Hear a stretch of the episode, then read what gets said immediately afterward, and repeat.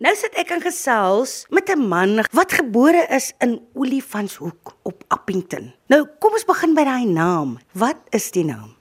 Dis Natale. Dit is Italiaans. Dit beteken Kersfees. My oupa was Italianer. Hy is op 28 Desember gebore en sy sy mense het hom Natale Carlo gedoop.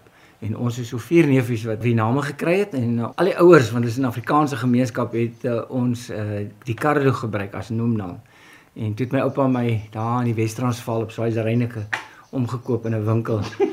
Uh, daar was ek 'n kinderstoeltjies, rottingstoeltjies en ek was op dit en om dit. Dis was so 4, 5 jaar oud. Toe vra hy my of ek of ek hou van die stoeltjies. Toe sê ek ja, toe sê hy, "Maar jy graag 'n stoeltjie wil hê?" Toe sê ek ja. En toe sê hy, "Maar hy sal vir my een koop as ek vir hom 'n belofte maak." Toe sê hy van nou af as iemand vir jou vra, "Wat is jou naam?" dan sê jy nie Carlo, dan sê jy Natale. Maar ook wat interessant is dat oom vroeër vir my gesê het, elke keer as iemand sê Natale, dan sit soort van 'n seënwens. Natale beteken uh Kersfees in Italiaans. So hulle sê geseënde Kersfees, dan sê hulle Buon Natale, geseënde Kersfees. En Kersfees beteken geskenk van God. So elke keer as iemand my naam sê, dan spreek hy eintlik 'n seën oor my uit en ja, ek het my lewe lank ervaar, die Here was my baie goed.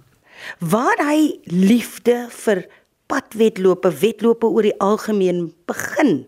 Ek was die albei onderwyser en ek het al saam met die dowe kinders gedoen. Kry ek 'n bevorderingspos na Nuwe Hoop sentrum toe. Ek was eers by Delabat skool, maar toe gaan ek na Nuwe Hoop sentrum toe en daar het ek toe nou niks met die sport direk te doen nie. Maar omdat ek al saam met hulle gedoen het, ek so na 'n maand of 2 of 3 agtergekom, maar hoorie ek en ek het ook rugby toe geblaas en ek kan nie lekker byhou na 'n Junie vakansie by die spel nie. En ek is toe gefrustreerd en ek en ek gaan toe net so daar in die buurt draaitjie draf en ek dink ek het 3 keer gedoen 4 km. Toe kry hy 'n onderwyser by die van die skool my en hy sê vir my maar hy sien ek draf en ek het daar by sy huis verbygehardloop en uh, wil ek nie vir hulle help die onderwysers nie. Hulle gaan 'n aflos doen. Hulle sê nou wat se aflos? Nee, hulle gaan 'n Saterdag van Mosselbaai af Woester toe hardloop. Sê ek wat? Ek, hardloop nog maar 4. Hy sê nee nee man, moenie bekommerd wees nie. Elke ou gaan net so 5 km 3 keer 5 km op die dag hardloop. En dis toe nou nou baie maklik geweest en ek doen toe nou dit. En toe ek nou die die volgende oggend wakker word, die dag wat ons gehardloop het, het ek so altyd aan 22 km. My volgende oggend kon ek nie beweeg nie. Ek kan nie kerk toe gaan nie. Ek toe uh, toe het ek gesê maar ek gaan oor 'n maand lank oefen want ek het nou 'n halfmaraton gedoen. Alles het stuk stuk en ja, toe het ek die eerste halfmaraton gedoen en toe die gogga my gebyt. Hoe het oom toe die wêreld gesien met padwedlope? Ja, ek het toe nou begin en ja, mense so ernstig, jy begin al vinniger verder, jy weet, dis dis dis nou eers die, die halfmaraton, dan is nou 'n maraton en dan sit two oceans en dan sit Comrade, so ek het 'n paar van hulle elkeen gedoen en en uh, so het ek later betrokke geraak by, by uh, as 'n fondswerwer by by 'n ministerie by Skare Sport vir Christus aksie. En ek het toe twee keer die London to Brighton met soos die Comrades is, is 88 km of 55 myl van Big Ben in in Londen tot in Brighton gehardloop en ek het ook die Londen maraton gedoen as 'n fondsinsameling vir onder die Suid-Afrikaners daar in Engeland. En toe toe hier 2010 het 'n uh, uh, hardloopvriend van my JP Snyman, hy's onderwyser hier buite Woester by 'n plaaskool en hy sê toe vir my jong Uh, maar jy het nou al oor see gehardloop ons nog. Wil jy nie ook iets re reël dat ons dit ook kan doen nie? Nou hy het nooit gesê wie is ons nie.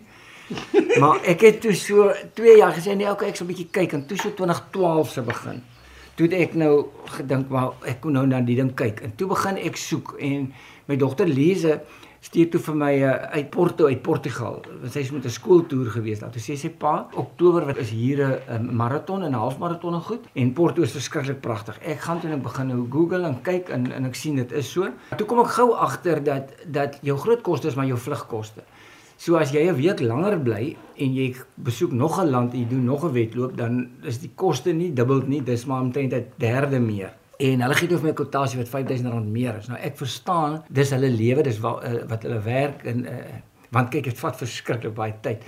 Maar ek kan dit nie vir my constituency wat vir my gevra het, kyk ekie sê hoorie dit kos soveel. Hulle het nie nog R5000 vir iemand anders te betaal nie. So ek besluit ook reël alself. Sê dit vir 'n paar mense en daar het ek op die ou en 14 mense wat wil saamgaan. Ja, so het ons Barcelona, eh, daarso die die Mediterranean marathon gedoen en toe vlieg ons Porto toe en ons hardloop daar. Maar toe ons in Barcelona op die lughawe is om terug te vlieg, toe vra 'n ander vriend van my Piet uh, Taljard wat wat toe nou saam was en hy vra vir my nou ou nou, want toe gaan ons volgende jaar? Ek sê vir hom, wat bedoel jy volgende jaar? Hy sê nee, jy het nou vir ons so lekker in 'n goedkoop toer in mekaar gesit en en uh, ons kom ons nou volgende jaar weer gaan. Ek sê vir hom nee, jy verstaan glad nie. Vat ure, ure, ure. Ek moet dit tussen 8 en 12 in die aande doen. Ek werk voltyds en ek het so gedreig gestap op die lughawe kom ek terug na hom toe en ek sê vir hom Piet ek, ek sal dit doen op een voorwaarde. Hy sê wat? Die voorwaarde om deel om saam te gaan is dat jy ten minste R1000 moet ekstra betaal, maar jy hoef nie, jy kan dit vir tussen pelle vra en vriende en familie en werk ons het saam met jou werk waar elkeen 'n bydrae maak en so nie. En dit het, het tot gevolg gehad dat ons ehm um, in die die uh, eh, 9 om presies te wees, ekskuus. Ehm um, wat daarna gevolg het, het ons byna 800 000 rand vir die instituut vir dowes in die Delabad skool ingesamel. Wow. Nou dit daar daar's so 28 lande wat ons in die proses tot nou toe uh, in was en en kon sien en rondloop. Kyk, ek sê altyd vir ouens moet glad nie die wedlope ernstig opvat nie want dit is onbekend en geniet net die omgewing. So ek sê altyd jy moet jou nekspiere oefen. Want jy kyk vreeslik rond. Dis links en regs en kyk net alles wat snaaks is. Die die volgende jaar is ons in, in Slowakye en Hongarye toe Budapest en Košice. En toe is ons na baie interessant ding net buite Zurich in die suide van Duitsland is 'n wedloop hulle noem dit die drie lande aan Bodensee. So jy hardloop letterlik, jy spring weg en jy hardloop deur drie lande. Jy spring weg in Duitsland op 'n eiland, hardloop oor die brug, hardloop jy deur Oostenryk en dan maak jy 'n draaitjie en net so 3 km draai in Switserland en eindig jy weer in Oostenryk. So jy hardloop deur drie lande in jou wedloop. En uh, ja, dit was baie lekker. En die volgende jaar toe ons Roemenië toe, toe het ons in, uh, net 'n draaitjie gemaak in in Hongarye Budapest. En toe die, die Zagreb maraton gehardloop. So ja, ons vlieg toe so 'n stuk of 17 uit ehm um, Roemenië toe. Ons hardloop daar, ons ry met ons eie busie Budapest toe. En van daar af Zagreb. En toe ons by Zagreb kom toe land daar 8 of 9 en uh, ons is toe nou so 'n goeie 26 saam vir die naweek. Hardloop in Zagreb.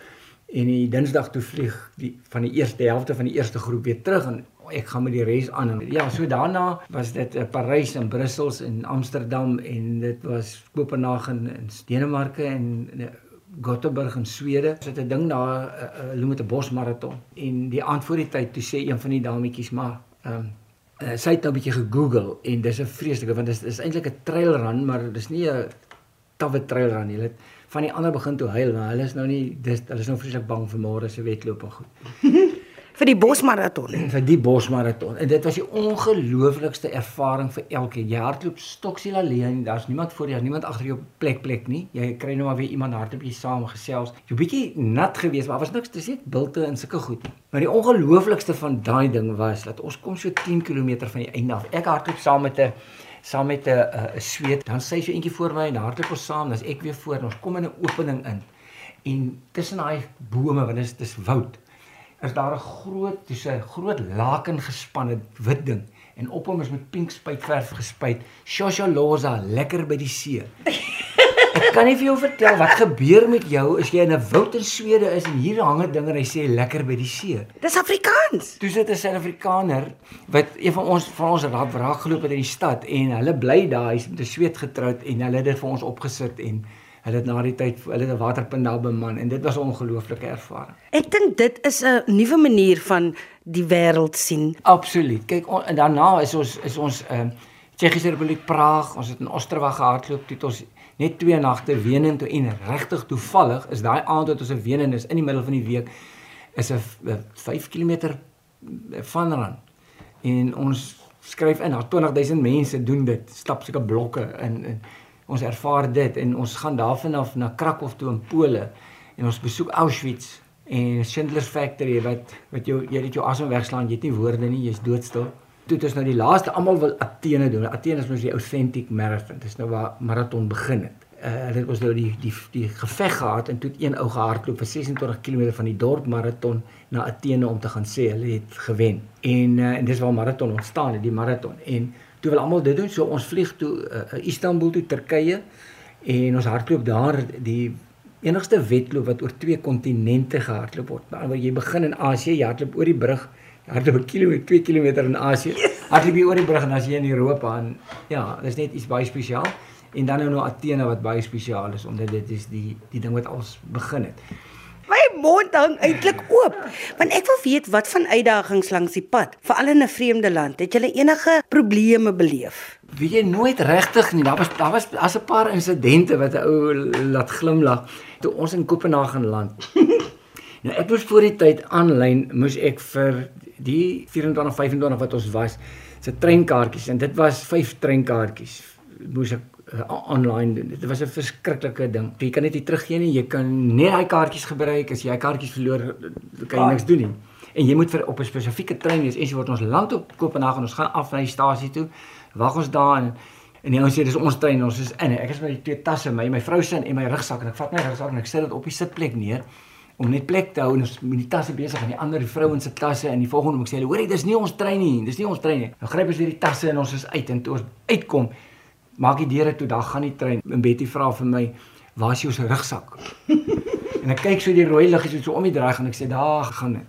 Nou as 52000 rand se kaartjies in daai rugsak. Ek sê vir die vir die groep hulle ja, ons moet regtig nou bid. En die volgende week stop ons trein ons gaan in en ek het 'n hele storie met die kondukteur en en en toe ons nou Kopenhagen kom na 'n halfuur of 15 minute toe stop ons daar en hy gee my toe oor na 'n ander vrou. Sê ek moet net by haar bly. Want ons trein ry nou weer verder na Odense toe so uur se ry. En en ek moet net by haar wag. Nou storie kort nê 'n uur en 'n half later kom daai trein terug wat nou sy punt bereik en hy kom terug en die konnekteur kom uit met my rugsak ek kry hom presies daar in die min, min of meer die middelste wa aan die regterkant op die sitplek. Niemand vat dit nie niemand pla met dit nie. Daar's die rugsak. So daar's dis 'n close encounters. Wat sou die wens nog wees? Een hartsbegeerte. Ek het 3 jaar terug 'n heupvervanging gehad.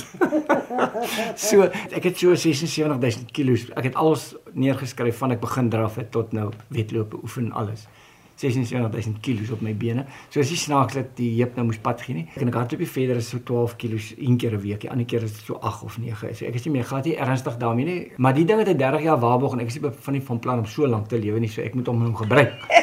Dit is 'n duur ding gewees, maar in elk geval, ek sou nog graag die Athene maraton wil doen. Ek gaan dit einde van die jaar doen. Ek sou dit graag wil doen as ek 70 is, maar dit is letterlik 2 dae voor ek 70 word.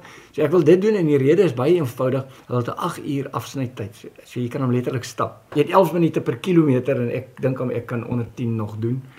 Ja, ek meen mense het genoeg gehardloop, né? Ja, Presies, heeltemal te veel. 76000. So meer as 1000 uh, wedlope, amper 1100 wedlope oor die jare. Nee, is malligheid, jy mens kan nie so aangaan nie.